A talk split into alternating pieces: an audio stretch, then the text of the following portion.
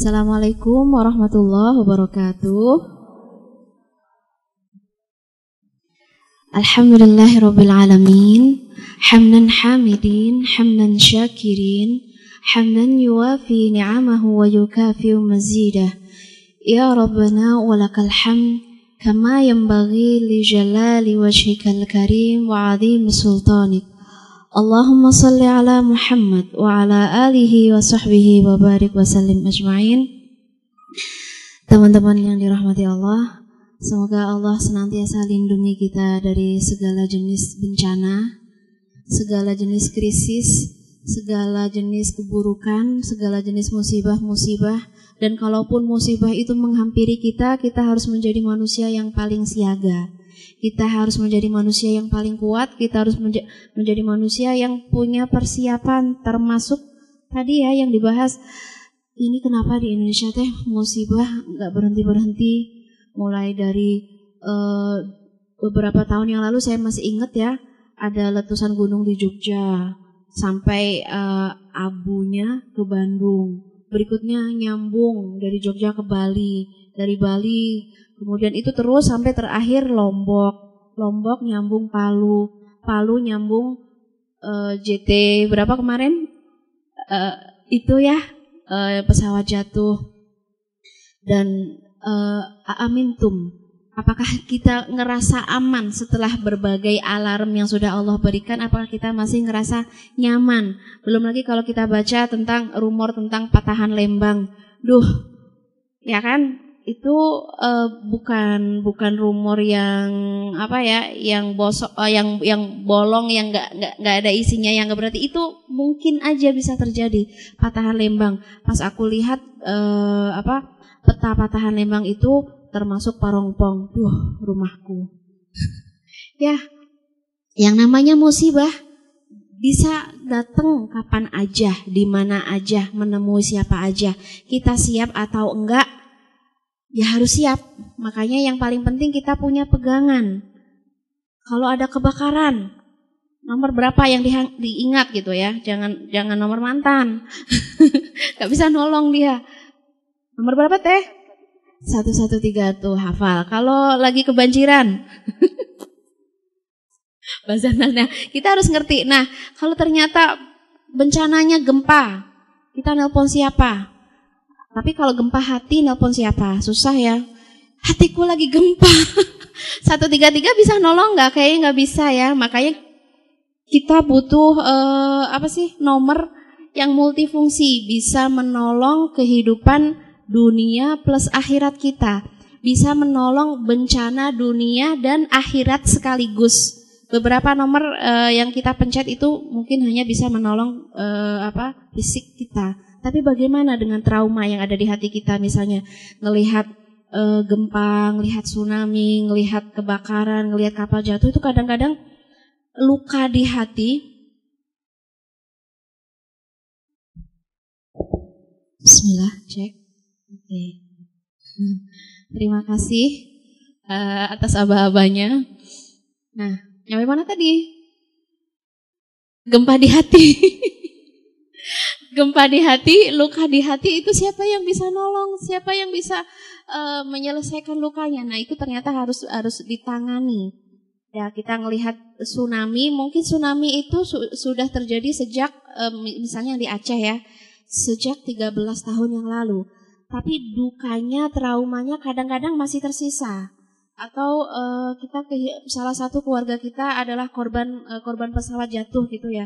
Itu mungkin beberapa tahun ke depan kita nggak bakal bisa beberapa orang nggak bisa nerima gitu.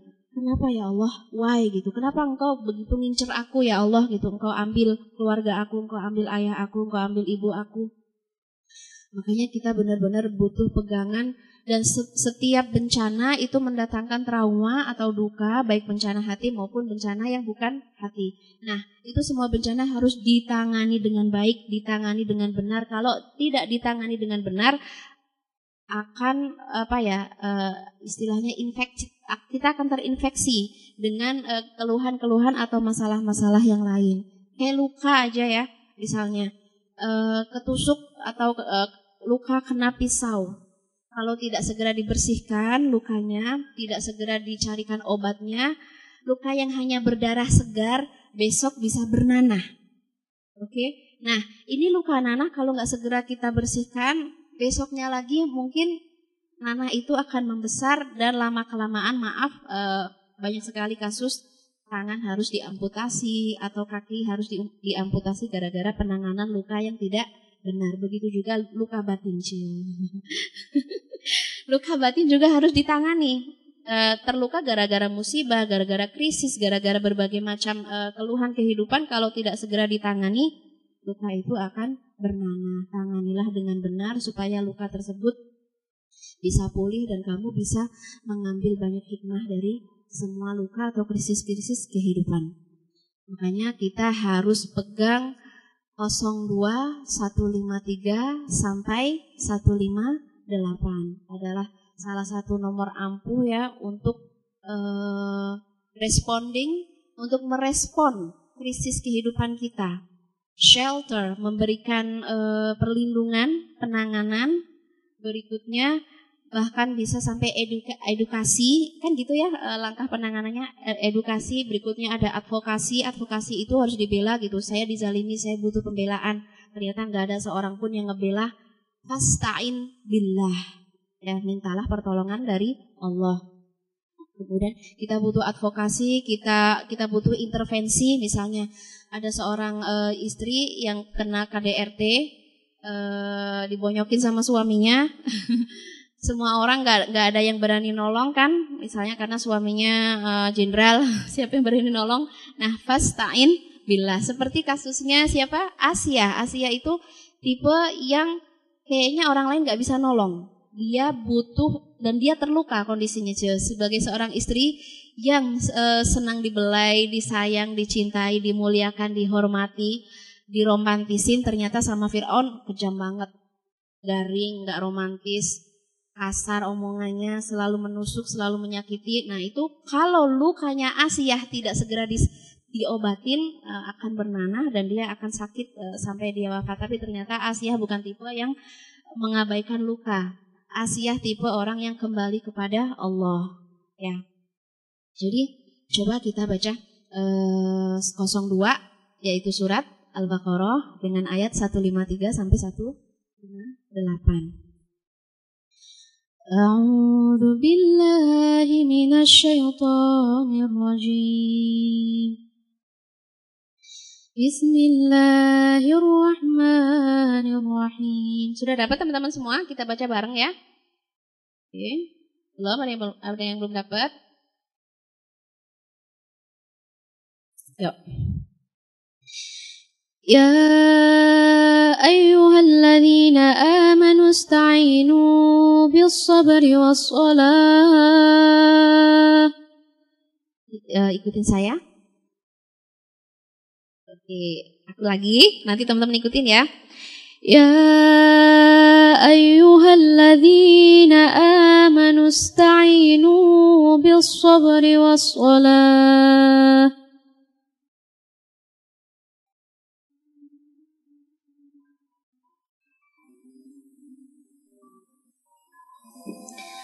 Inna Allah ma'as sabirin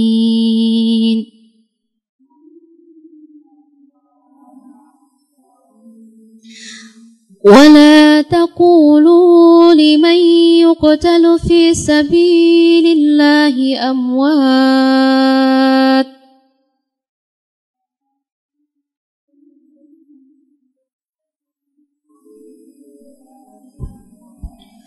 بل أحياء ولكن لا تشعرون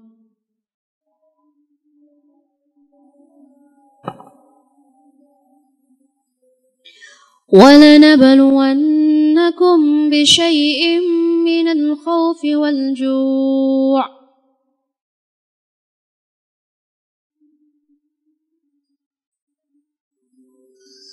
ونقص من الأموال والأنفس والثمرات.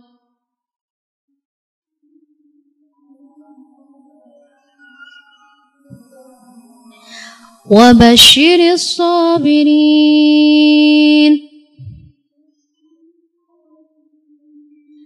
الذين إذا أصابتهم مصيبة قالوا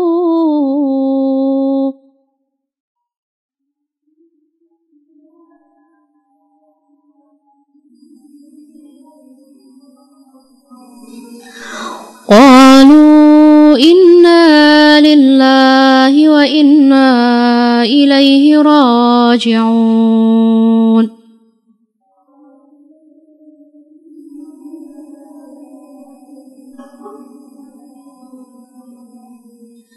أولئك عليهم صلوات من ربهم ورحمه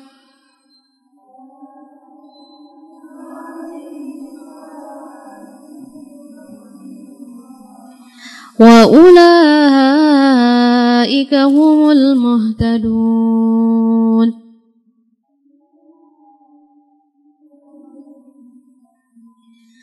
إن الصفا والمروة من شعائر الله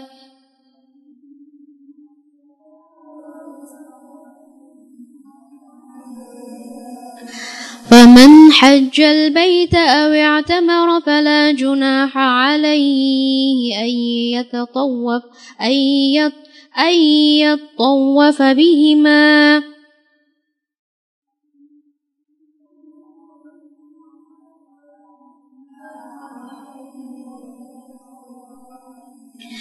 فمن حج البيت أو اعتمر فلا جناح عليه أن يتطوف طوف بهما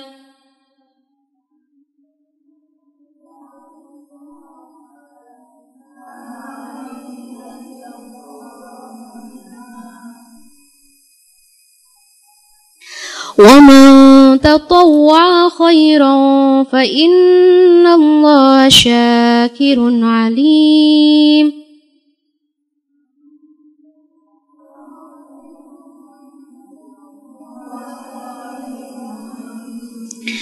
Semoga Allah perbaiki bacaan kita di surat Al-Baqarah 153 158.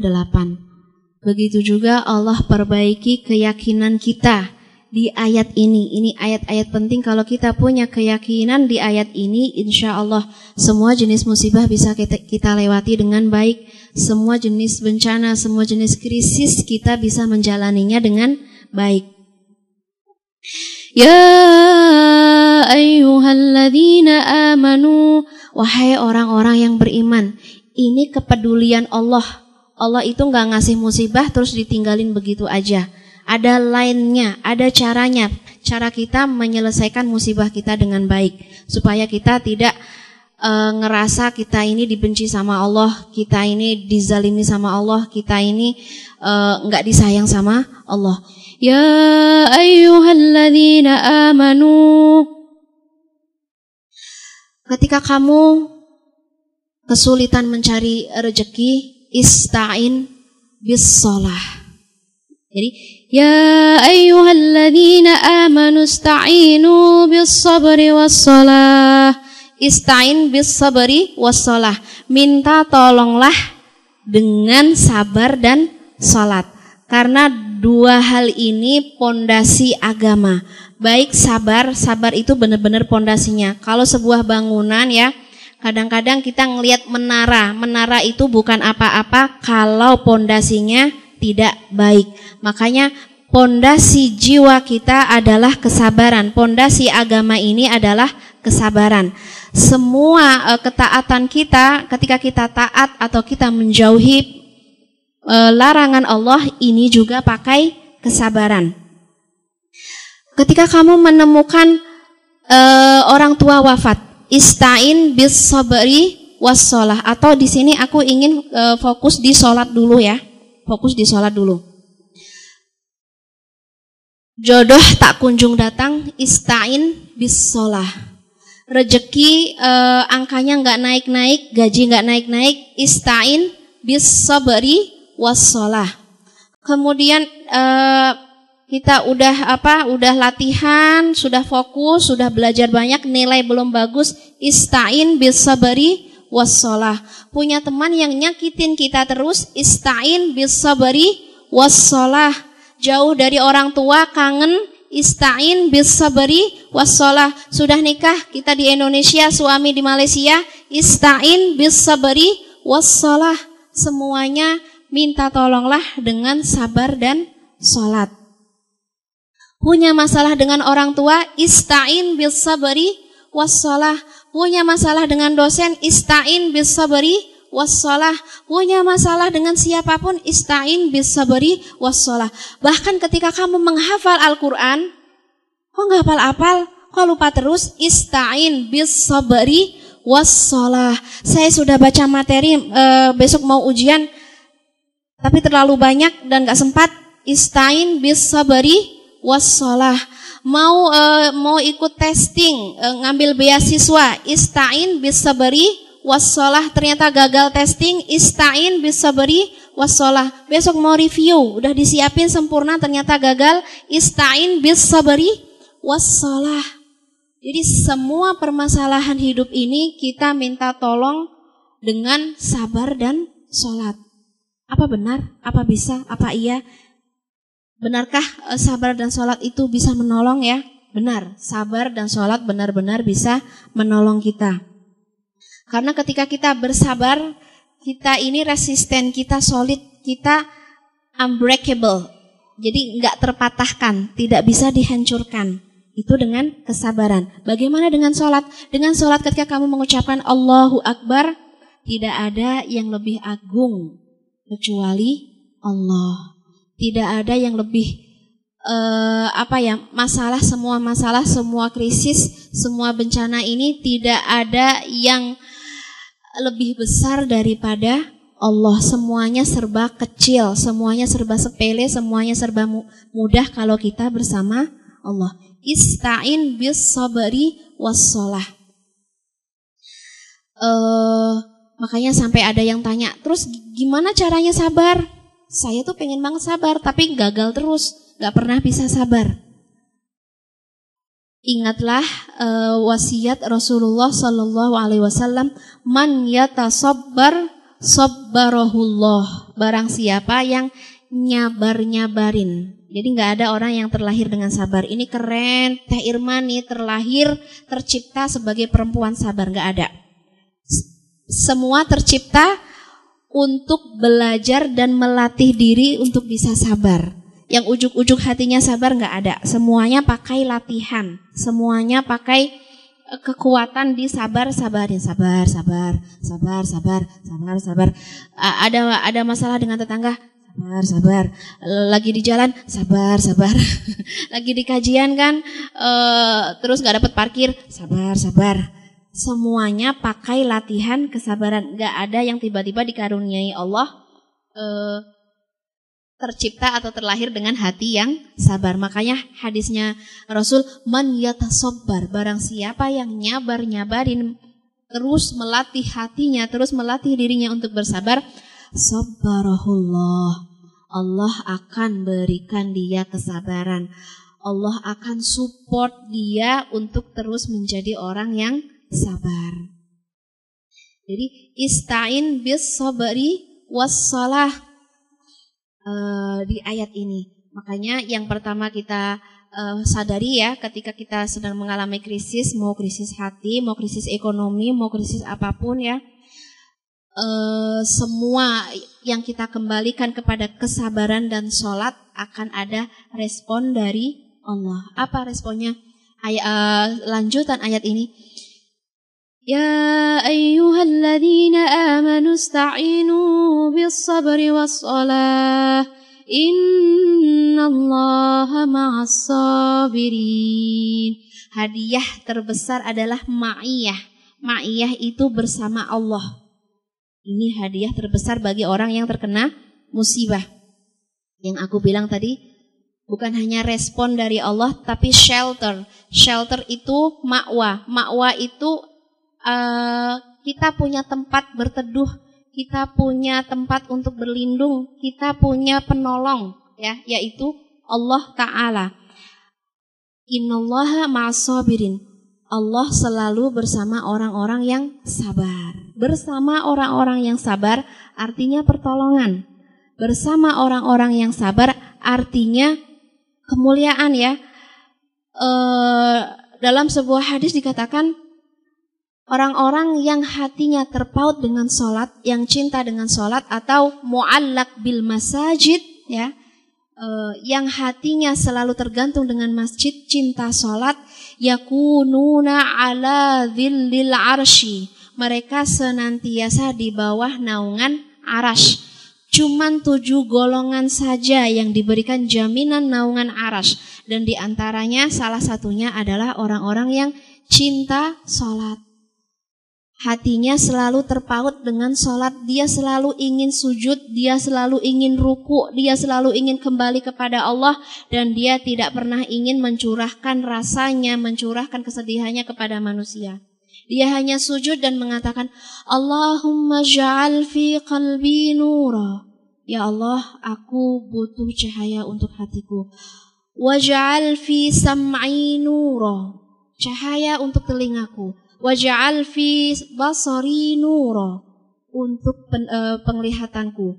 Waj'al uh, an yamini nura wa shimali nura wa fawqi nura wa tahti nura wa amami nura wa warai nura. Ya Allah kanan kiriku depan belakangku atas bawahku. Aku membutuhkan cahaya. Cahaya um, untuk menerangi segala krisis yang sedang aku alami Teman-teman yang dirahmati Allah, ketika kita mengucapkan Allahu Akbar, tiada yang yang lebih besar kecuali Allah. Atau bahkan di dalam uh, di dalam sholat kita, Rabbighfirli warhamni, Allah ampuni aku. Allah sayangi aku. Ini bentuk shell kita minta minta perlindungan kepada Allah dari buruknya bencana. Sebenarnya bencana itu nggak ada yang buruk. Bencana itu menjadi buruk ketika kita sulit mengelola, ketika kita sulit mencari um, apa ya manajemennya, uh, ngaturnya ini gimana? Karena semua orang kena bencana. Saya kena bencana. Eh Irma pernah kena bencana? Pernah. Bencana apa? Bencana diri katanya. Ya, Bahkan teman-teman di saf depan sini ya saya yakin semuanya kena bencana. Di saf tengah, di saf belakang semuanya pernah kena bencana. Dari bencana paling kecil sampai bencana yang paling besar. Istain bis sabri wassalah. Masya Allah. Ketika kita bersama Allah, kita dapat apa tadi? Dapat pertolongan ya. Dapat pembelaan, dapat advokasi. Kita dibela oleh Allah. Ingatlah ketika uh, Allah membela Ibrahim. Ibrahim harus berada di dalam api. Allah berikan pertolongannya. Uh, kul kulna ya narukuni bardan wasalaman ala Ibrahim. Allah langsung yang intervensi. Allah langsung yang memberikan perlindungan. Allah langsung yang memberikan pertolongan. Bagaimana dengan uh, Musa alaihissalam? Ya dia udah nggak punya, dia nggak mau, nggak tahu mau minta tolong ke siapa lagi. Di belakang ada Fir'aun, di depan ada lautan. Allah langsung yang intervensi, membelahkan lautan untuk Musa dan umatnya. Kemudian uh, kisah Yunus alaihissalam di dalam perut ikan. Mau cari peneduh ke mana? Mau cari penolong ke mana? Hanya kepada Allah uh, istainu bisa wassalah bahkan mungkin Yunus ya dia melaksanakan sholat sholatnya di dalam perut ikan. Meskipun mungkin sholatnya tidak sempurna nggak sesempurna ketika di luar perut ikan. Bahkan beliau banyak bertasbih ya. Makanya Allah langsung melakukan intervensi memberikan uh, memberikan pertolongan kepada Yunus mengeluarkan Yunus dari perut ikan. Ketika teman-teman uh, kayaknya sudah ngedrop banget ya Istain bis sabri wassalah. Nggak ada yang bisa nolong kecuali kesabaran kita dan sholat-sholat kita. E, bahkan mungkin ya orang yang paling kita cintai ibu kita sendiri nggak bisa nolong kita. Ibu aku sedih banget, sedih banget. Pasti ibu bilang kalau sedihmu itu bisa ku ambil untukku nak. Pasti sedihmu akan ku ambil dan biarkan kamu bahagia terus jangan bersedih. Tapi faktanya ibu kita nggak bisa ngambil kesedihan kita. Saya patah hati bu, Pengen banget patah hati itu diambil oleh ibu kita, tapi nggak bisa. Yang patah ya diri kita. Yang bisa menolong hanya Allah Ta'ala. Inna Allah, Inna Allah ma'asabirin. Percayalah, Allah selalu bersama orang-orang yang sabar, memberikan pertolongan, mengintervensi langsung apa kebutuhan kita dipenuhi ya. Bahkan lewat uh, sholat-sholat kita nanti ya. Uh, muhtadun kita ini termasuk orang-orang yang diberi hidayah. Karena di dalam sholat kita kita meminta kayak tadi Allah berikan cahaya untuk hatiku berikan cahaya untuk telinga cahaya untuk uh, pandanganku cahaya kanan kiri atas depan belakang dan lain sebagainya. Ini sebuah bentuk uh, apa ya meminta pertolongan kepada Allah. Innallaha ma'as sabirin kalau sudah bersama Allah ya, ini ayat berikutnya. ولا تقولوا لمن يقتل في سبيل الله أموات بل أحياء ولكن لا تشعرون Lihatlah keagungan Allah, lihatlah kekuasaan Allah, lihatlah kehebatan Allah. Allah bisa membolak-balikan dunia kamu pikir mereka mati. Tidak, bal ahya. Jangan pernah katakan orang yang syahid itu mati, tapi mereka hidup dan benar-benar hidup. Jadi yang menurut kita mati justru Allah balikan kehidupan mereka menjadi sumber kehidupan. Ja'far bin Abi Talib ketika beliau memegang e, bendera panji Rasulullah Shallallahu Alaihi Wasallam mati-matian ya. Beliau memegang dengan tangan kanannya terus maju menerobos musuh dan tangannya terputus. Tidak rela bendera Rasul jatuh dipeganglah pakai tangan kiri. Maju terus karena beliau bersabar. Kalau nggak sabar, tangan sudah putus, pulang dulu boleh nggak? Kan udah udah putus ya sudah. Masa iya nggak bisa? Nah inilah kesabaran Ja'far. Ista'inu bil sabri. Kalau dia bisa sholat, sempat sholat, mungkin Ja'far akan sholat. Tapi kan di dalam peperangan dia nggak bisa. Dia hanya mengambil kekuatan dari kesabaran, nambah daya lewat kesabaran. Tangan kanan putus, beliau ambil royahnya, beliau ambil panji Rasul memakai tangan kiri. Tangan kirinya putus, boleh nggak pulang? Tidak. Beliau bersabar. Istain bis sabri. Beliau bersabar terus maju mengambil bendera Rasulullah dengan mulut beliau.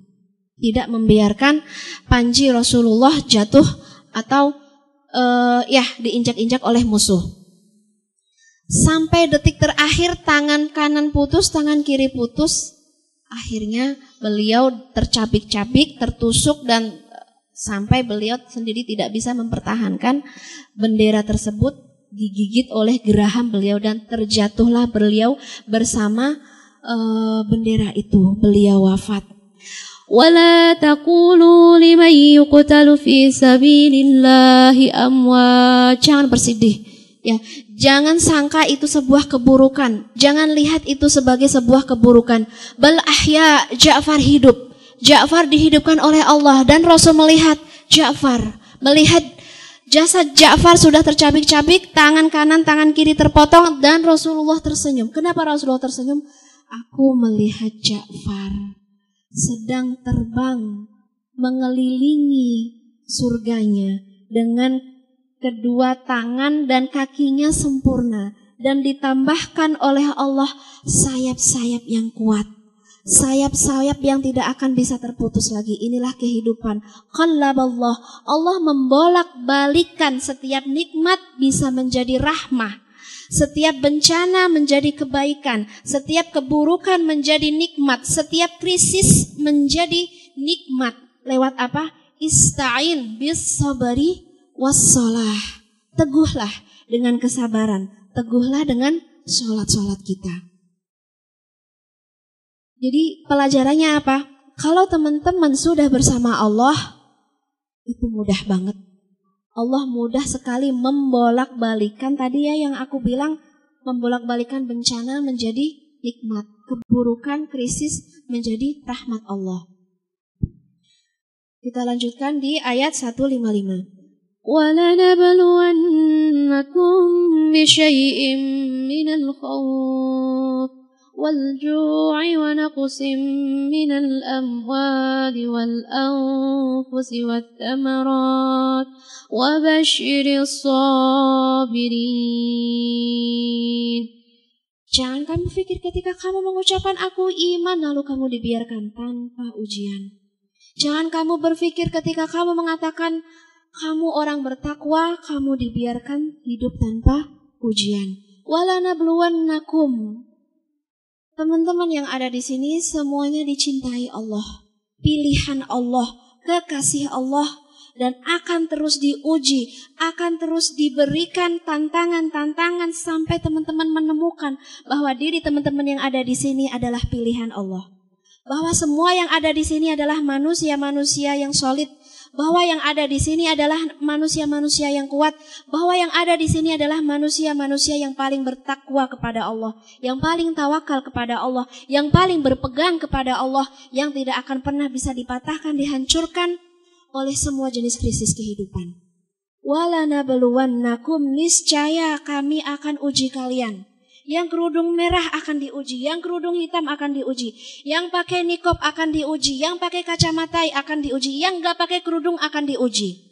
Yang tua akan diuji, yang muda akan diuji, yang pinter akan diuji, yang bodoh juga akan diuji. Yang sabar akan diuji, yang gak punya kesabaran juga semuanya bakalan diuji. Wala nabluwannakum bisyai'im minal khawf. Semuanya akan ngerasain al-khawf, rasa takut Boleh teman-teman lihat takut itu seperti apa sih nanti dibuka bencana petobo. Semua yang yang menceritakan tentang petobo menangis. Itu rasa takut. Saya nggak ngerti rasa takut itu apa. Kadang-kadang kita nggak ngerti ya. Baru bisa mengerti rasa takut kalau melihat bencana orang. Oh ternyata takut itu seperti itu. Sampai seorang ibu bilang, sudah ayah bawa anak, bawa pergi, saya nggak sanggup lagi. Kenapa ketakutan dengan bencana sampai saking takutnya dengkul nggak sanggup bergerak, dengkul nggak sanggup berjalan. Ayah, teruslah berlari, selamatkan anak. Biarkan aku di sini, aku udah pasrah. Aku sudah tawakal kepada Allah. Kita belum sampai pada rasa takut seperti itu. Atau aku ngebayangin ya, eh, teman-teman yang kemarin di pesawat ya, detik-detik, detik-detik uh, naik pesawat ada sedikit guncangan saja, Masya Allah, Allah Akbar, la quwata illa billah. Allah, Allah, Allah, Allah, Allah, nyebut nama Allah. Sampai benar-benar Allah itu ada. Sampai benar-benar Allah itu dekat sama kita dan melindungi kita. Sampai benar-benar Allah itu apa ya yang selama ini mungkin Allah hanya di lisan saja benar-benar bisa kita rasain lewat bencana ya ketika misalnya pesawat itu jatuh uh, apa sih dengan guncangan yang sangat keras dengan uh, apa sih tekanan udara yang macam-macam ya saya nggak bisa mungkin nggak bisa ngerasain ya. Al khauf wala nabluwannakum bisyai'in minal khauf niscaya kekasihku ya. Yang aku muliakan yang aku berikan surga aku uji dengan bencana rasa takut. Minal khauf wal ju' dan lapar Rasulullah Shallallahu Alaihi Wasallam manusia yang paling mulia, yang paling disayang Allah, yang paling dicintai Allah, ternyata ujian kehidupan beliau adalah lapar. Bahkan saking beliau menyembunyikan kelaparan beliau, menahan kelaparan beliau, yastain bis sabri wassalah. Rasul menguatkan kelaparan beliau dengan sabar dan sholat. Perhatikan, Rasul menyembunyikan kelaparan, menahan kelaparan beliau dengan yasta'in bis sabri wassalah. Ketika beliau Allahu Akbar, sholatnya panjang. Beliau memang senang dengan sholat. Kondisi bahagia beliau sholat, apalagi kondisi buruk, kondisi krisis. Ketika ruku, Allahu Akbar, kletek, kedengar. Ketika Allahu Akbar, kletek, kedengar ketika sujud sampai uh, keluarga beliau bertanya, ada apa ya Rasulullah? Kenapa ketika engkau melakukan gerakan-gerakan sholat ada bunyi? Hmm, Sampai keluarganya pun nggak tahu ya kalau Rasul menyembunyikan rasa lapar. Pas dilihat ternyata perut beliau kulitnya menempel dengan tulang. Maksudnya saking kempesnya dan itu harus diisi. Diisi dengan apa? Batu-batuan. Agar tidak terasa lapar. Wahwa yasta'in dan dia senantiasa meminta tolong dengan sabar bis sabari wassalah. Beliau lapar, beliau melaksanakan sholat. Bahkan beliau ketika uh, al-khawf ya, ini ujian ketakutan di perang Badar 300 orang lawan sekian ribu orang ya, mungkin ada sekitar seribu lebih. Kalau hitung-hitungan orang ini pasti mati. Pasti mati. Beliau mengangkat tangannya berdoa berbunajat ya. Yasta'in bis sabri wassalah sabar dan sholat ini benar-benar jadi solusi jalan keluar. Semua teman-teman ya, rasakan, cobain ketika ada ujian. Benar nggak sih kata Ustadah? Sabar itu, sabar dan sholat bisa nolong. Kemarin aku posting tentang sholat. Kemudian ada yang komen, nggak usah sholat, sholat nggak ngasih rezeki. Ya ada itu, Subhanallah, masya Allah, la quwata illa billah itu keren banget gitu. Uh -uh. Nggak usah sholat. Orang uh, apa sih? Sholat juga masih kena sihir. Nggak usah sholat. Sholat juga masih disakitin. Nggak usah sholat. uh -uh. Kalau menurut aku dia sedang melepaskan sesuatu yang sangat berharga di dalam kehidupan dia. Allah berikan sholat itu sebagai kurrota ayun sebagai penghibur, sebagai peneduh, sebagai sumber sakinah, sebagai sumber pertolongan, tapi dia tidak tahu bagaimana rasanya sholat. Apakah dia muslim? Ya, dia muslim. Dan teman-teman, sudahkah merasakan nikmatnya sholat? Sudahkah merasakan pertolongan dari sholat? Sudahkah sholat-sholat kita tanha anil faksha wal mungkar? Sholat-sholat kita membatasi diri kita untuk tidak berbuat maksiat kalau belum coba ulangi lagi sholat kita, khusyuklah, perbaiki, sempurnakan sampai benar-benar yang dikatakan Rasul atau yang dikatakan uh, Allah Subhanahu wa taala sholat ini bisa nolong kita. Ya Bilal, arihna bis sholah. Wahai Bilal, kami capek, kami lelah. Istirahatkan kami dengan sholat. Rehatkan kami dengan sholat. Bahagiakan kami dengan sholat. Ya. Walanabluwannakum bisyai'im minal khawfi wal ju'i wa naqsim minal amwal dan niscaya kami juga akan uji dengan naksim minal amwal e, harta yang sedikit apa iya harta sedikit e, bisa ditolong dengan sholat kita bisa bagaimana saya sudah sholat atau memang saya melihat ada orang yang sholatnya bagus banget, sepanjang malam dia nggak pernah absen sholat, sholat wajibnya mantap, sholat e, rawatibnya mantap, tapi masih miskin. Benar itu fakta. Sholat dan masih miskin, tapi dia bahagia. Karena yang namanya rejeki itu bukan hanya angka, tapi rejeki itu adalah segala sesuatu yang membuat kita happy, yang membuat kita uh, relax yang membuat kita nyaman dan nikmat. Itulah rezeki. Kalau memang rezeki itu jadi patokan bahagia, coba tanya kepada Korun, apakah dia orang paling bahagia? Ke mana dia sekarang?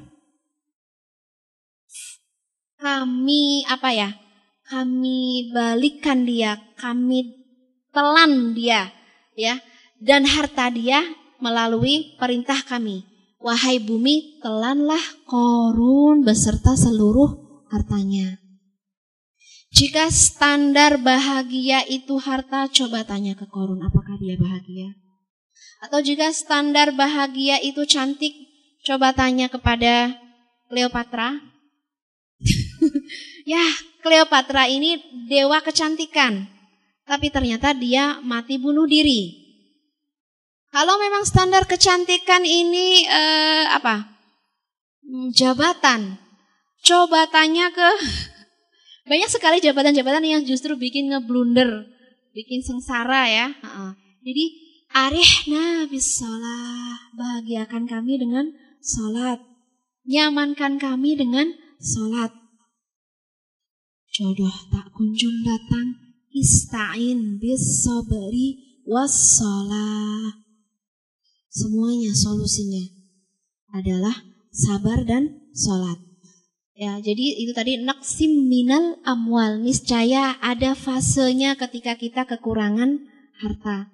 Teman-teman yang misalnya yang ada di di Petobo, hari itu menjadi orang yang paling kaya, pagi menjadi orang yang paling kaya, malamnya dia menjadi orang yang paling miskin. Tapi ketika dia yastain bisa beri wassalah, kalau dia tetap solid, tetap tough dengan sabar dan sholatnya, maka tidak ada yang hilang dari kehidupan dia. Tidak ada yang berkurang dari kehidupan dia. Semua bisa digantikan. Harta bisa kita cari. Cantik masih bisa kita oplas, nggak boleh ya? uh, apa sih? Uh, pasangan bisa tergantikan, anak bisa digantikan, jabatan bisa digantikan. Semuanya bisa digantikan. Kecuali satu, jangan pernah engkau gantikan. Allah. Ya, satu, dua, eh, satu Allah, dua sabar dan sholat. Nanti jadi banyak ya. Intinya apa? E, semua yang kita cari itu bisa kita gantikan. Tapi kalau sabar yang hilang, bisa tak tergantikan. Tapi kalau sholat yang hilang, kebahagiaan itu bisa tak tergantikan. ولنبلونكم بشيء من الخوف والجوع ونقص من الأموال والأنفس والثمرات rasa takut sampai uh, naksim naksim minal amwali wal anfus uh, jadi yang yang ada istilah imannya ngedrop ada istilah frustasi depresi uh, apa lagi ya macam-macam. Itu naksim uh, naksim uh, minal uh, minal amwa minal angfus jadi uh, diri kita yang misalnya kalau HP teh 100% ya itu kalau dipakai terus dipakai menjalani kehidupan kecuali kalau kita nggak menjalani kehidupan nggak bakal ngedrop. Kalau kita jalani kehidupan dengan uh, lika-liku kita lagi searching uh, maksudnya dalam kehidupan kita ya kita mencari rezeki nanti bisa ngedrop kita cari jodoh ngedrop kita uh, kita sakit ngedrop. Berbagai masalah kehidupan bisa bikin iman kita ngedrop. Kalau ngedrop doang nggak masalah tapi kalau sampai pada titik frustasi ini aku ada cerita uh, temen aku lagi mengelola sebuah pesantren bocah-bocah ya anak-anak yang usia ABG gitu. Ada masalah dikit dan ini real gitu diceritain langsung. Ini gimana cara menanganinya? Mereka menyayat-nyayat tangannya sendiri ada yang mencoba bunuh diri dan posisi mereka di pesantren. Maaf, frustasi ini ada apa? Kenapa bisa seperti ini? Ya karena kurang istain bis wassalah pokoknya teman-teman coba deh kalau lagi pengen ngamuk pengen meledak langsung wudhu langsung sholat dan cerita ke orang hasilnya gimana. Oh ya benar, enak banget, nyaman banget. Jadi kita terjaga dari keburukan, kita terjaga dari akhlak kita yang mau hancur nggak jadi gelas-gelas kaca di rumah yang mau hancur tadi nggak jadi diselamatkan dengan sabar dan salat. Naksim minal amwali wal anfusi wathamarat. Kurangnya uh, makanan ya atau samarot ini buah-buahan. Uh, kita lanjutkan ya. sabirin. Ada lima hal bencana, ada lima hal krisis, tapi kenapa ucapan Allah wabashir? Bashir itu bergembiralah, bergembiralah bagi orang-orang yang bersabar. Karena orang-orang yang bersabar ini gembiranya tak tergantung oleh selain Allah. Gembiranya hanya kepada Allah. Dia miskin, alhamdulillah. Dia kena bencana, alhamdulillah. Kemudian dia lapar, alhamdulillah. Jodohnya tak datang-datang, Alhamdulillah. Ini ngutang nggak bisa dibayar-bayar, Alhamdulillah. Stabil. Orang beriman itu punya stabilizer ya. Jadi kalau di rumah aku itu misalnya ada mesin cuci yang listriknya tinggi banget, tiap tiap apa mesin cucinya bunyi jeglek karena nggak ada terlalu panas, nggak ada stabilizer. Powernya tinggi tapi cepat panas. Nah, kita juga seperti itu. Kadang-kadang iman kita naik, kalau nggak ada stabilizer, tiba-tiba ngedrop, hancur, meledak. Ya, kita butuh stabilizer, yaitu ista'inu bis sabri wassalah. Wabashiris sabirin, ya. E, berbahagialah wahai orang-orang yang sabar. Karena orang-orang yang sabar ini, dia tidak didera khauf rasa takut dan tidak didera kesedihan. La khaufun alaihim walahum yahzanun. Wabashiris sabirin yang ada di hatinya itu uh, apa ya ridho. Jadi uh, apa pun yang terjadi kalau Allah ridho maka itu jadi sumber bahagia dia. Di dalam hatinya itu cuma ada ridho, tawakal, dan tidak pernah ittiham, menyalahkan. Baik menyalahkan orang lain, apalagi menyalahkan Allah. Kalau dari uh, muda sampai tua miskin terus, ini kayaknya Allah ngincer terus deh biar aku sengsara, gitu kan? Kalau dari muda sampai tua teh ada aja masalah, masalahnya ganti lagi bertubi-tubi. Ini kayaknya Allah seneng banget deh mainin hatiku. Nah ini sudah bagian dari ittiham, kita sedang menuduh Allah padahal Allah sedang melihat uh, walana uh, yang di surat Al-Mulk ya الذي خلق الموت والحياة لنبلوكم أيكم أحسن عملا Dialah yang menciptakan kehidupan menciptakan kehidupan dan kematian sekaligus, menciptakan kemudahan dan kesulitan sekaligus, menciptakan nikmat dan bencana sekaligus, menciptakan air mata dan tawa sekaligus. Lalu kenapa semua ini ada ya Allah? Kenapa harus ada yang lapar? Kenapa harus ada yang kenyang?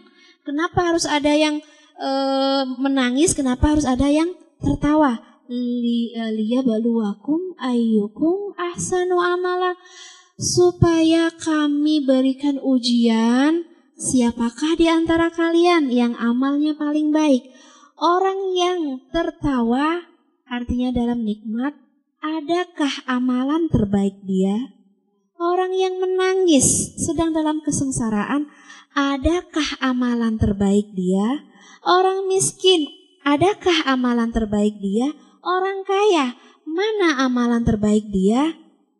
Ya kan? Orang lagi lapang, mana amalan terbaik dia? Orang dalam kesempitan, manakah amalan terbaik dia? Dia baluakum ayyukum ahsanu amala. Allah sudah tahu kamu ini tipe sabar atau tidak. Benar nggak? Allah sudah tahu. Yang belum tahu kan kita. Kita ini tipe sabar atau tidak. Allah sudah tahu kita ini tipe tawakal atau tidak. Tapi kita tidak tahu kita ini tipe tawakal atau baru tahu ketika sedang dalam ujian.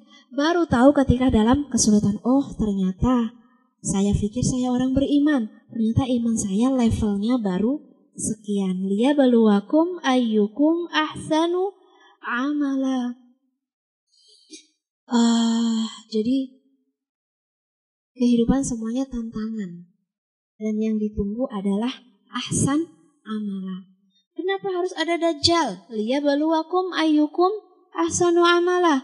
Kenapa harus ada Fir'aun? Liya baluwakum ayyukum ahsanu amala. Kenapa harus ada gempa? Kenapa harus ada musim panas, musim dingin? Kenapa harus ada uh, orang Ethiopia? Itu semua liya baluwakum ayyukum ahsanu amala. Jadi nggak ada nggak ada yang diciptakan oleh Allah itu tanpa hikmah. Wabashiris sobirin. Makanya uh, apa sih kabar gembiralah bagi orang-orang yang uh, tetap tetap tetap solid di dalam kesabaran. Yang meminta pertolongan lewat sholat sholatnya dan lewat kesabarannya. Berbahagialah orang yang stabil sholatnya. Bahagialah orang yang stabil sabarnya. Bahagialah orang itulah orang yang stabil pertolongan dari Allah. Terus akan mendapatkan pertolongannya. Allah selalu respon Allah selalu shelter ngasih perlindungan Allah selalu uh, apa sih uh, advokasi ya memberikan uh, apa ya advokasi itu? Apa sih? Pembelaan uh -uh, bahkan Allah sampai ke intervensi. Mengintervensi semua permasalahan kehidupan kita.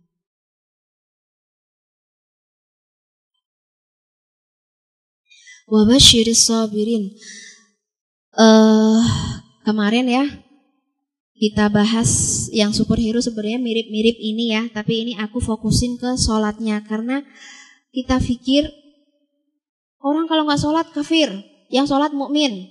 Jadi kita pikir sholat itu cuma sekedar masalah kafir dan mukmin, cuman orang yang beriman dan orang kafir. Enggak, sholat itu justru sebuah kebutuhan penting buat kita untuk menemani kehidupan kita, untuk menguatkan kehidupan kita itulah sholat.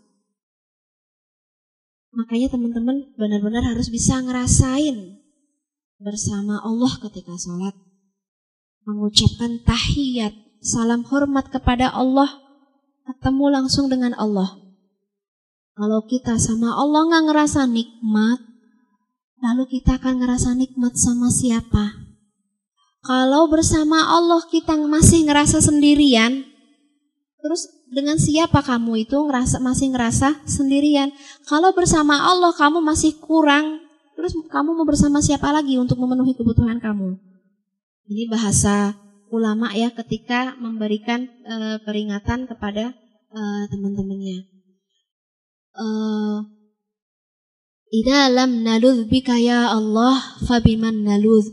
Jika kami tidak bisa mencicipi nikmat bersamamu, maka nikmat itu akan kami dapatkan dari siapa lagi? Mintalah kepada Allah supaya hati kita ini hati yang khusyuk, hati yang lembut ya, mudah ketemu sama Allah, mudah memperoleh pertolongan dari Allah, mudah memperoleh uh, apa ya, mudah memper, uh, yakin dengan janji-janji Allah. Kita lanjutin ayatnya. الذين إذا أصابتهم مصيبة قالوا Siapa sih orang-orang yang bersabar? Yaitu orang-orang yang ketika ditimpa musibah, mereka mengucapkan, Qalu inna lillah Allah, kami ini milikmu yang engkau beri milikmu, yang engkau ambil juga milikmu, yang datang milikmu, yang pergi juga milikmu. Yang menemani milikmu, yang pergi dariku juga milikmu. Jadi inna lillah. Ketika Allah sudah berikan begitu banyak dan Allah ambil sedikit, la tajuza. Gak usah baper-baper banget yang sudah dikasih Allah itu banyak. Allah cuman mengambil yang sedikit aja.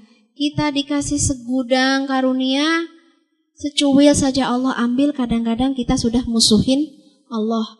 Kadang-kadang kita sudah marah-marah sama Allah. Tidak mengingat inna lillah wa inna ilaihi raji'un. Semua yang kami miliki akan kembali kepadamu. Alistirja, cepatlah mengembalikan diri kita kepada Allah supaya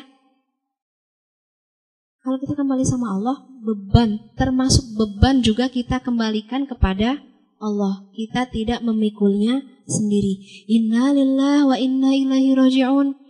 Apa nasihat Rasulullah ketika tertimpa musibah? Bacalah doa. Allahumma ujurni fi musibati. Ujurni fi musibati. Nggak boleh ada yang sia-sia ya Allah.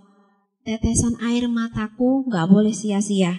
Harus engkau pahalai ya kan? Sakit gigiku ini nggak boleh sia-sia. Harus engkau pahalai. Bahkan ada jerawat kecil pun harus engkau pahalai. Ujurni fi musibati pahalai semua musibah kecil sampai musibah besar. Wakhluf li khairam minha atau minhu ya. Gantikan dengan yang lebih baik. Optimis terus. Jadi kalau kita ngerasa yang eh, apa sih yang diambil Allah itu sedikit dan yakin bahwa yang akan diambil Allah itu lebih banyak. Iya'lamillahu fi qulubikum khaira yu'tikum khairan mimma ukhidha minkum wa yaghfir lakum. Kalau Allah melihat di hati kamu ada kebaikan, maka Allah akan gantikan sesuatu yang sudah Allah ambil itu dengan yang lebih baik.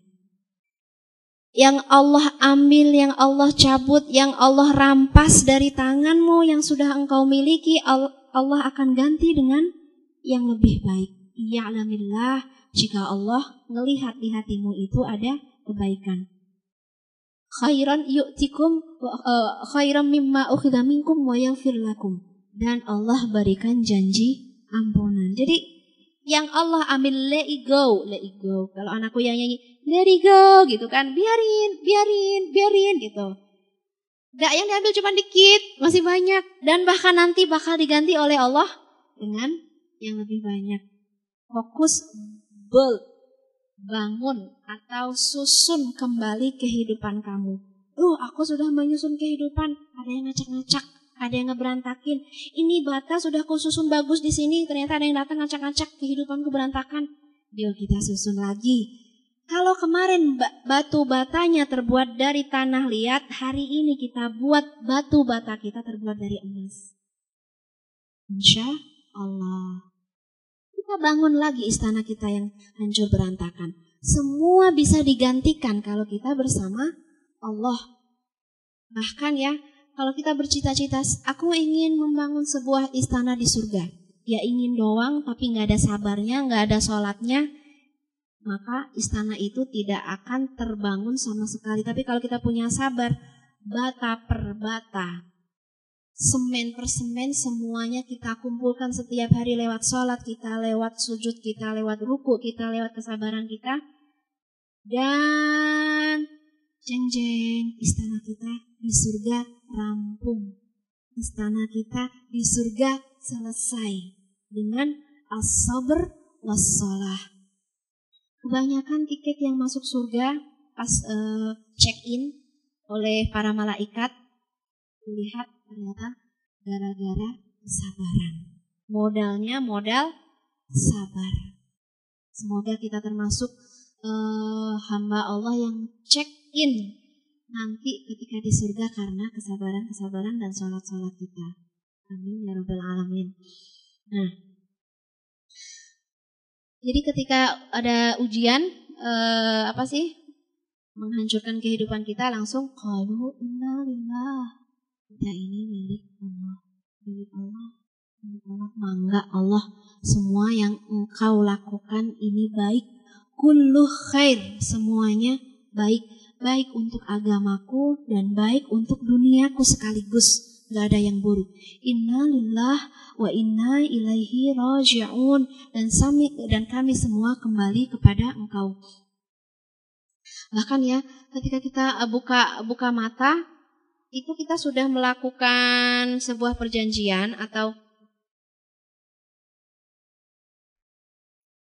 memantrai diri kita, memantrai atau apa ya istilahnya, uh, ngasih alarm, pengingat buat kita.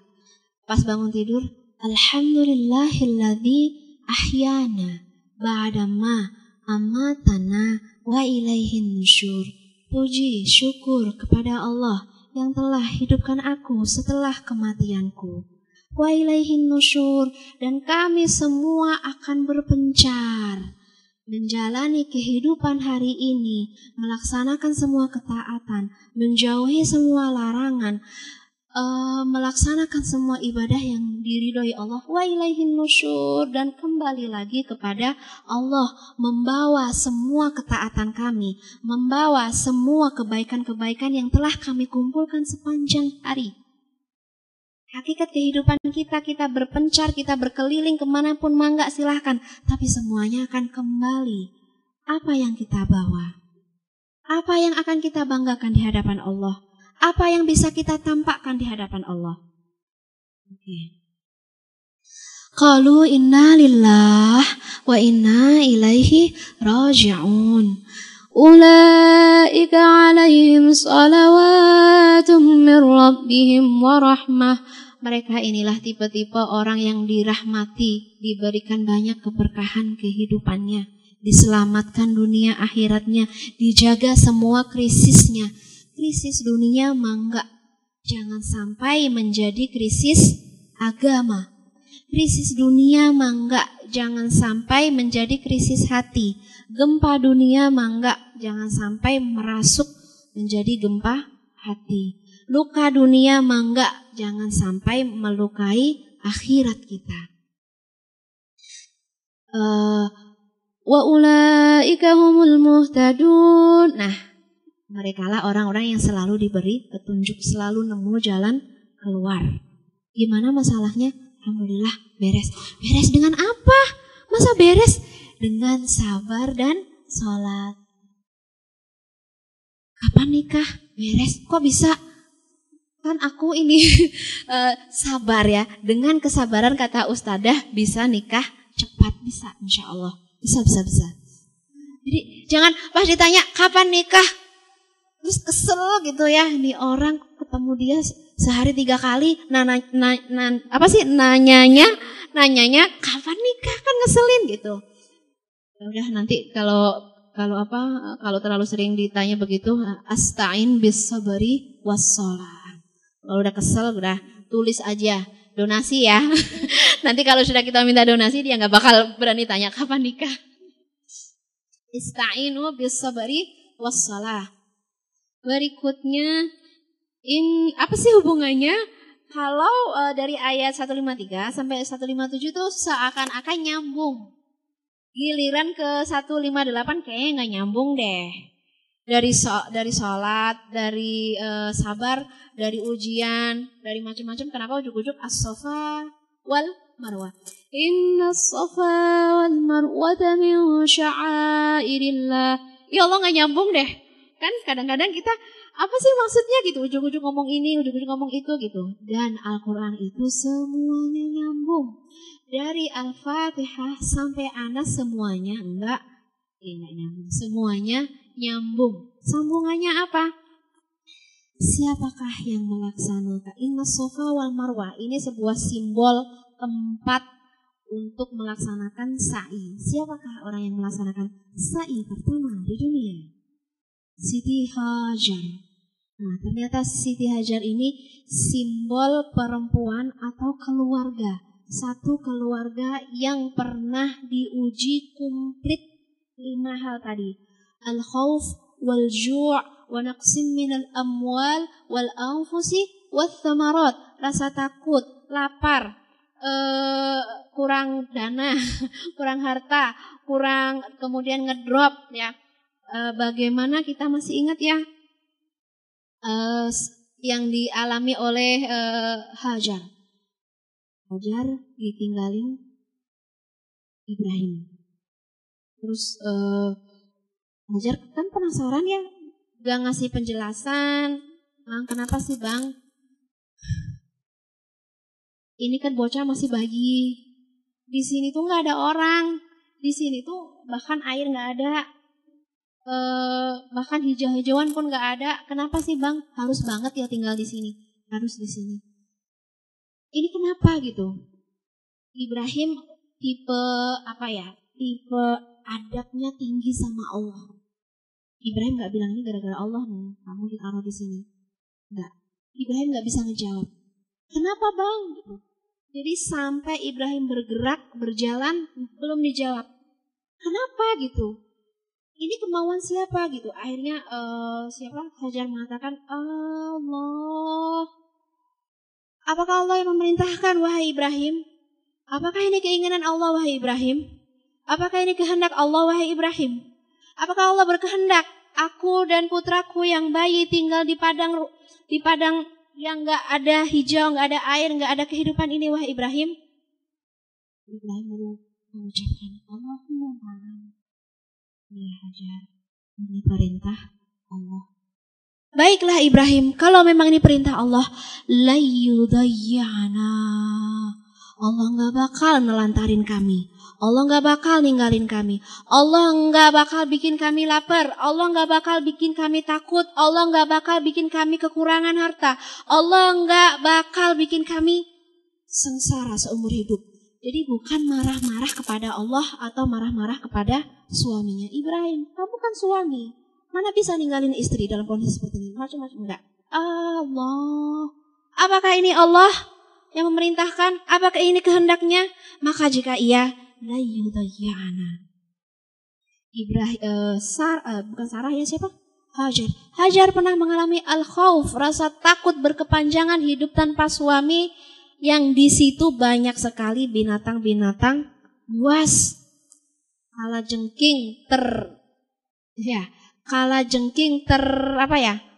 terjahat, ter, uh, tersadis itu di di uh, di padang pasir paling ber beracun, kemudian uh, ularnya, belum singanya, macam-macam.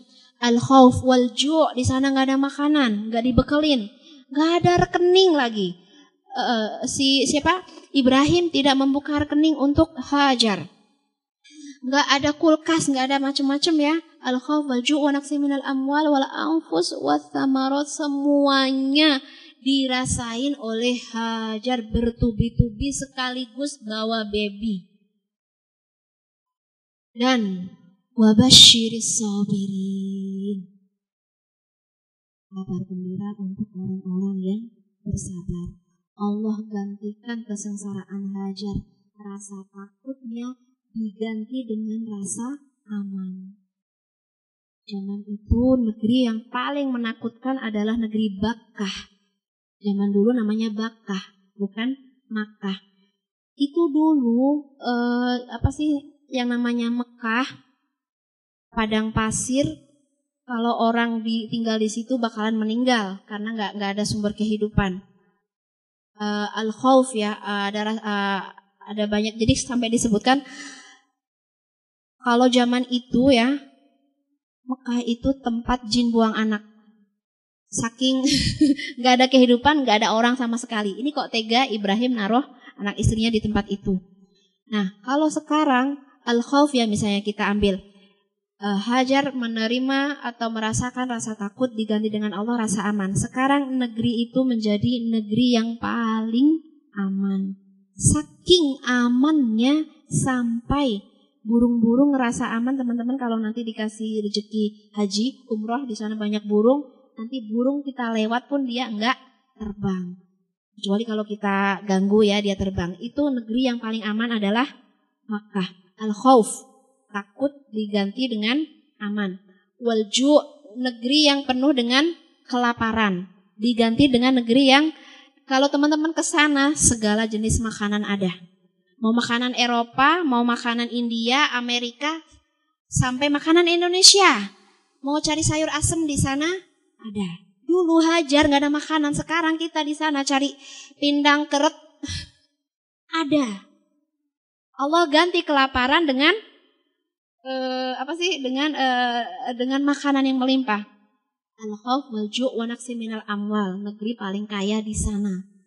Uh, kemudian uh, ju' wal amwal wa minal amwal wal anfusi was samarot. Bahkan uh, buah-buahan dari Eropa, buah musim panas, buah musim dingin semuanya ada di Mekah. Kalau di Indonesia, kalau nggak musimnya nggak ada. Kalau di sana semua semua jenis buah-buahan dengan musim yang berbeda kita temukan di Mekah.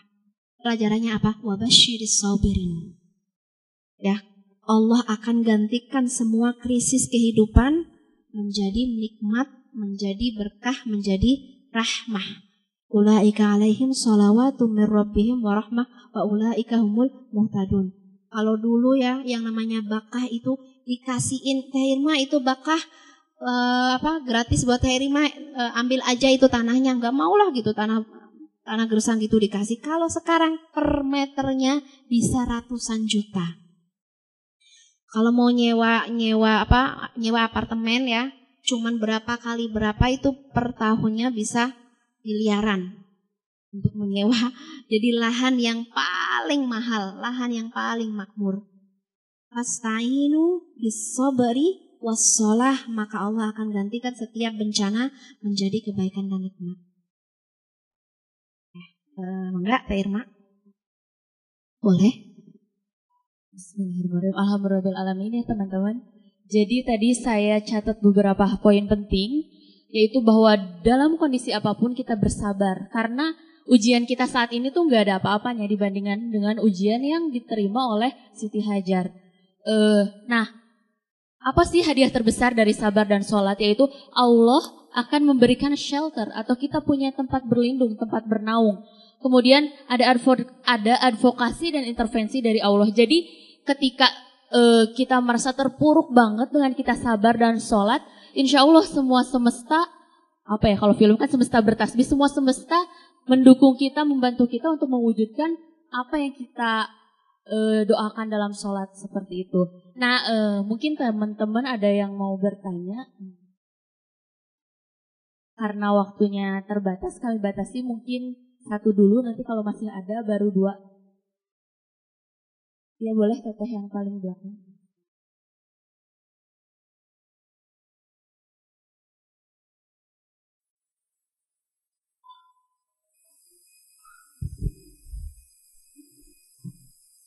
Assalamualaikum Umi. Salam warahmatullahi Kalau misalnya kita uh, tips aja ini ya uh, minta tipsnya.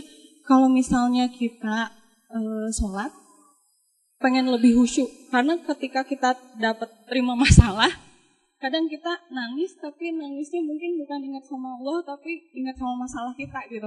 Nah tipsnya supaya lebih khusyuk beresin nangisnya dulu atau ya. gimana gitu. Uh -uh. Makasih Umi. Ya, mangga. Langsung aja.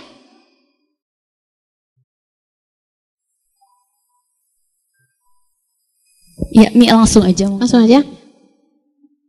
Uh, kalau lagi terpuruk banget, sebenarnya tidak dilarang menangis ya, mangga dikeluarkan saja, asal tidak pakai suara suara-suara yang sudah nggak pantas. Kalau cuma sesenggukan keluar air mata, uh, semoga itu jadi salah satu obatnya juga. Tapi please uh, kita kasih deadline nangisnya. Iya kan? Masa iya nangis sejam kelamaan gitu. Kita deadline kayaknya aku butuh nangis semenit dua menit gitu. Kita cek oh udah semenit cukup lah gitu. Jadi nggak apa-apa, nangis aja. Tapi nangisnya nggak pakai suara, nggak pakai, maksudnya bukan nggak pakai suara, nggak pakai ucapan-ucapan yang uh, yang uh, omongan kita sudah ngaco lah. Kadang-kadang yang yang mengendalikan kita sudah sudah bukan iman, yang mengendalikan kita sudah uh, emosi kita. Mangga nangis semenit dua menit. Nah, kalau cukup boleh ditambah semenit lagi. Jangan banyak-banyak. Nah, tapi yang paling bikin nyaman coba uh, langsung wudhu. Langsung wudhu, langsung sholat, langsung nggak apa-apa sih. Mungkin dalam sholat kita masih masih uh, apa ya masih runyam masih rudet dengan segala dengan segala uh, pikiran kita nah makanya tip tipsnya kalau aku sih kadang-kadang sholat khusyuk itu kita harus mendengar apa yang kita baca. Kalau di dalam sholat sunnah nggak apa-apa ya, memperdengarkan telinga kita apa yang kita baca. Misalnya, Allahumma silni bil ma'i wal thalji wal barad. Itu kalau telinga kita nggak dengar, itu udah lewat doang tanpa ngerti kita ini lagi ngomong apa. Tapi kalau kita dengar Allah sini, berarti kita fokus ya Allah ampuni dosaku. Bersihkan aku dengan air yang adem. Bilma imatal jual barud. Wanakini min khotaya kama yunakka thawbul abiyadu min danas. Sucikan aku seperti engkau mensucikan uh, kain putih. Putihkan aku, putihkan jiwaku, murnikan jiwaku, datangkan uh, apa? Uh, hadirkan rohku di hadapanmu. Jangan sampai ruhku ini di hadapanmu menjadi kotor. Gitu-gitu aja. Jadi uh, tips yang paling kena sih per, uh, perdengarkan bacaan kita. Dan harus ngerti apa yang kita baca. Kalau nggak ngerti, sayang banget. Makanya kalau sampai ada ulama bilang belajar bahasa Arab itu wajib, itu saya rada setuju. setuju ya, karena sholat kita bahasa Arab, Al-Quran bahasa Arab, petunjuk Rasulullah bahasa Arab. Dan yang terutama sholat sih, minimal kita ngerti apa yang kita ucapin.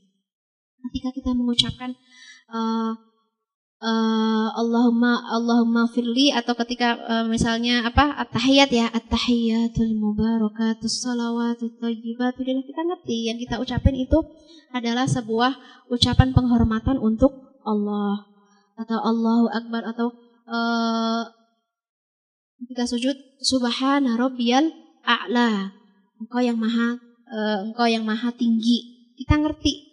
Nggak ada yang lebih tinggi dan masalah-masalah dunia ini kecil gitu-gitu. Jadi uh, intinya faham bacaannya dan ini telinga kita ada wa'yun.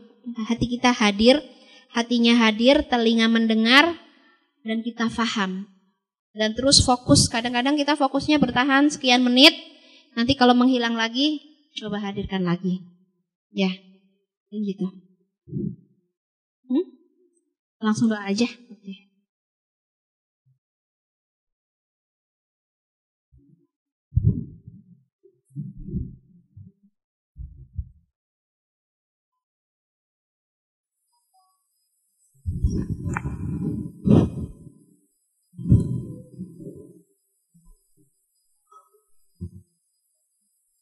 Bismillahirrahmanirrahim. Teman-teman yang dirahmati Allah Semoga Allah kuatkan kita lewat kesabaran Semoga Allah kuatkan kita lewat sholat Semoga sholat-sholat kita benar-benar nolongin semua bencana yang bakal kita lalui.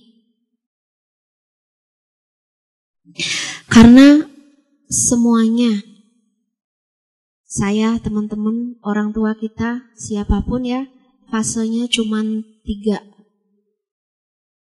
Kalau nggak fase di depan mata kita nanti atau di depan kehidupan kita bencana, maka fasenya adalah kita di dalam bencana.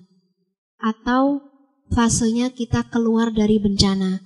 Kalau kita sudah menyelesaikan satu bencana, kita nggak nggak tahu apakah ada bencana berikutnya yang lebih dahsyat atau seperti apa. Yang pasti, semoga kita diselamatkan oleh kesabaran dan sholat-sholat kita.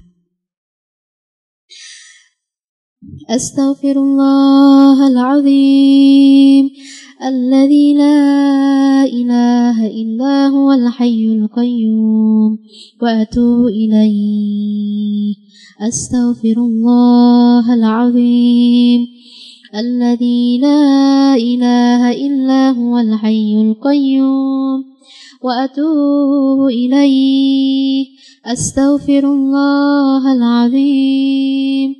الذي لا إله إلا الله وحده لا شريك له. له الملك وله الحمد يحيي ويميت وهو على كل شيء قدير. لا إله إلا الله العظيم الحليم. لا إله إلا الله رب العرش العظيم. لا إله إلا الله رب السماوات ورب الأرض ورب العرش الكريم. اللهم نرجو رحمتك فلا تكلنا إلى نفسنا طرفة عين. أصلح لنا أصلح لنا أصلح لنا شأننا كله. أصلح لنا شأننا كله. يا من لا تراه العيون ولا تخالطه الظنون. يا رحمن يا رحيم. اللهم إنا نسألك أن تجعل خير عملنا آخرة. وخير أيامنا يوما ألقاك فيه. إنك على كل شيء قدير. اللهم يا رحمن يا رحيم يا من لا يشغله شيء عن شيء يا من أحاط علمه بمن ذرأ وبرأ وأنت عالم بخفيات الأمور ومحسي, وف ومحسي وساوس الصدور وأن وأنت وعلمك محيط يا أكرم الأكرمين يا أكرم الأكرمين. اللهم اجعل خير عمرنا آخرة وخير عملنا خواتمة وخير أيامنا يوم يوم ألقاك فيه. اللهم اقسم لنا من خشيتك ما تحول به بيننا وبين معصيتك ومن طاعتك ما تبلغنا بها جنتك.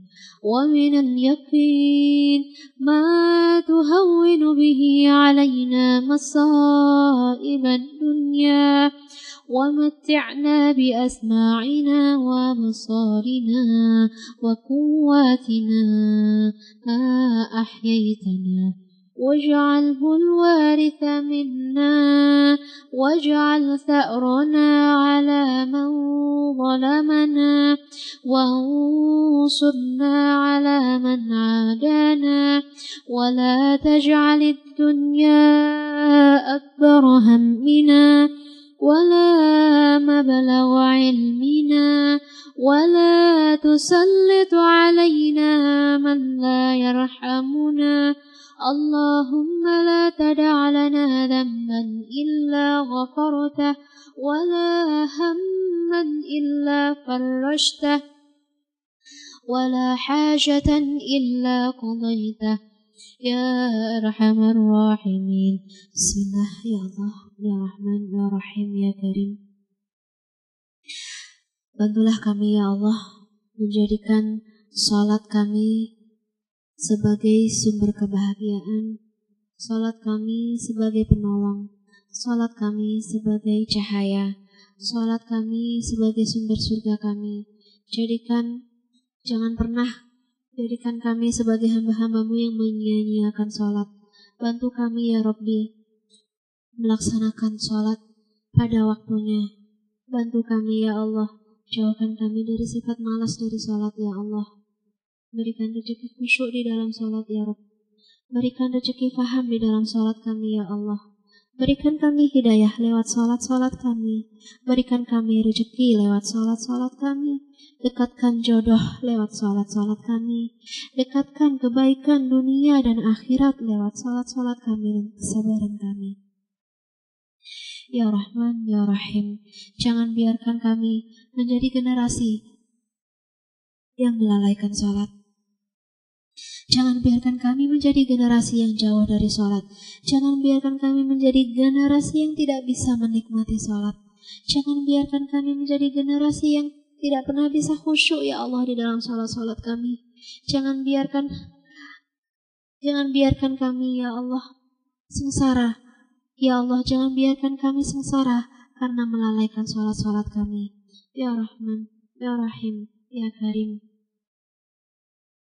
Kami tidak pernah merasa aman dari sebuah bencana. Ya Rob, entah bencana itu sedang kami alami, entah bencana itu sedang kami rasakan, atau bencana itu sedang menanti kami di hadapan kami, Ataukah kami sudah melewati bencana? Ya Rabbi Semua bencana-bencana itu ya Rabb Tidak akan bisa merusak sholat-sholat kami. Bahkan sholat-sholat kami lah yang akan menolong bencana itu ya Rabb Ya Rahman, Ya Rahim, Ya Karim Pertemukan kami dengan engkau di dalam sholat Pertemukan kami ya Allah dengan cahayamu di dalam sholat Ya Rahman, Ya Rahim, Ya Karim Lindungi kami, lindungi orang tua kami, Perbaiki semua urusan kami ya Allah. Perbaiki anak kami, perbaiki keturunan kami ya Allah. Perbaiki dunia akhirat kami ya Allah dengan sholat dan dengan kesabaran kami. Ampuni dosa orang tua kami, ampuni dosa guru-guru kami, ampuni dosa semua orang-orang yang kami cintai. Ampuni semua dosa orang-orang yang beriman ya Allah. Lindungi orang-orang yang sedang dalam bencana ya Allah. Bantulah orang-orang yang sedang dalam bencana ya Allah. Kuatkan mereka ya Allah. Berikan mereka pertolongan ya Allah. Datangkan kemampuan dan kekuatanmu ya Allah untuk orang-orang yang sedang dalam kesulitan. Ya Rahman, Ya Rahim, Ya Karim. Rabbana atina fid dunya hasanah wa fil akhirati hasanatan wa qina azaban nar. Wa sallallahu ala sayyidina Muhammad wa ala alihi wa ashabihi al-akhyar wa sallam tasliman katsira. Ya teman-teman, Assalamualaikum warahmatullahi wabarakatuh.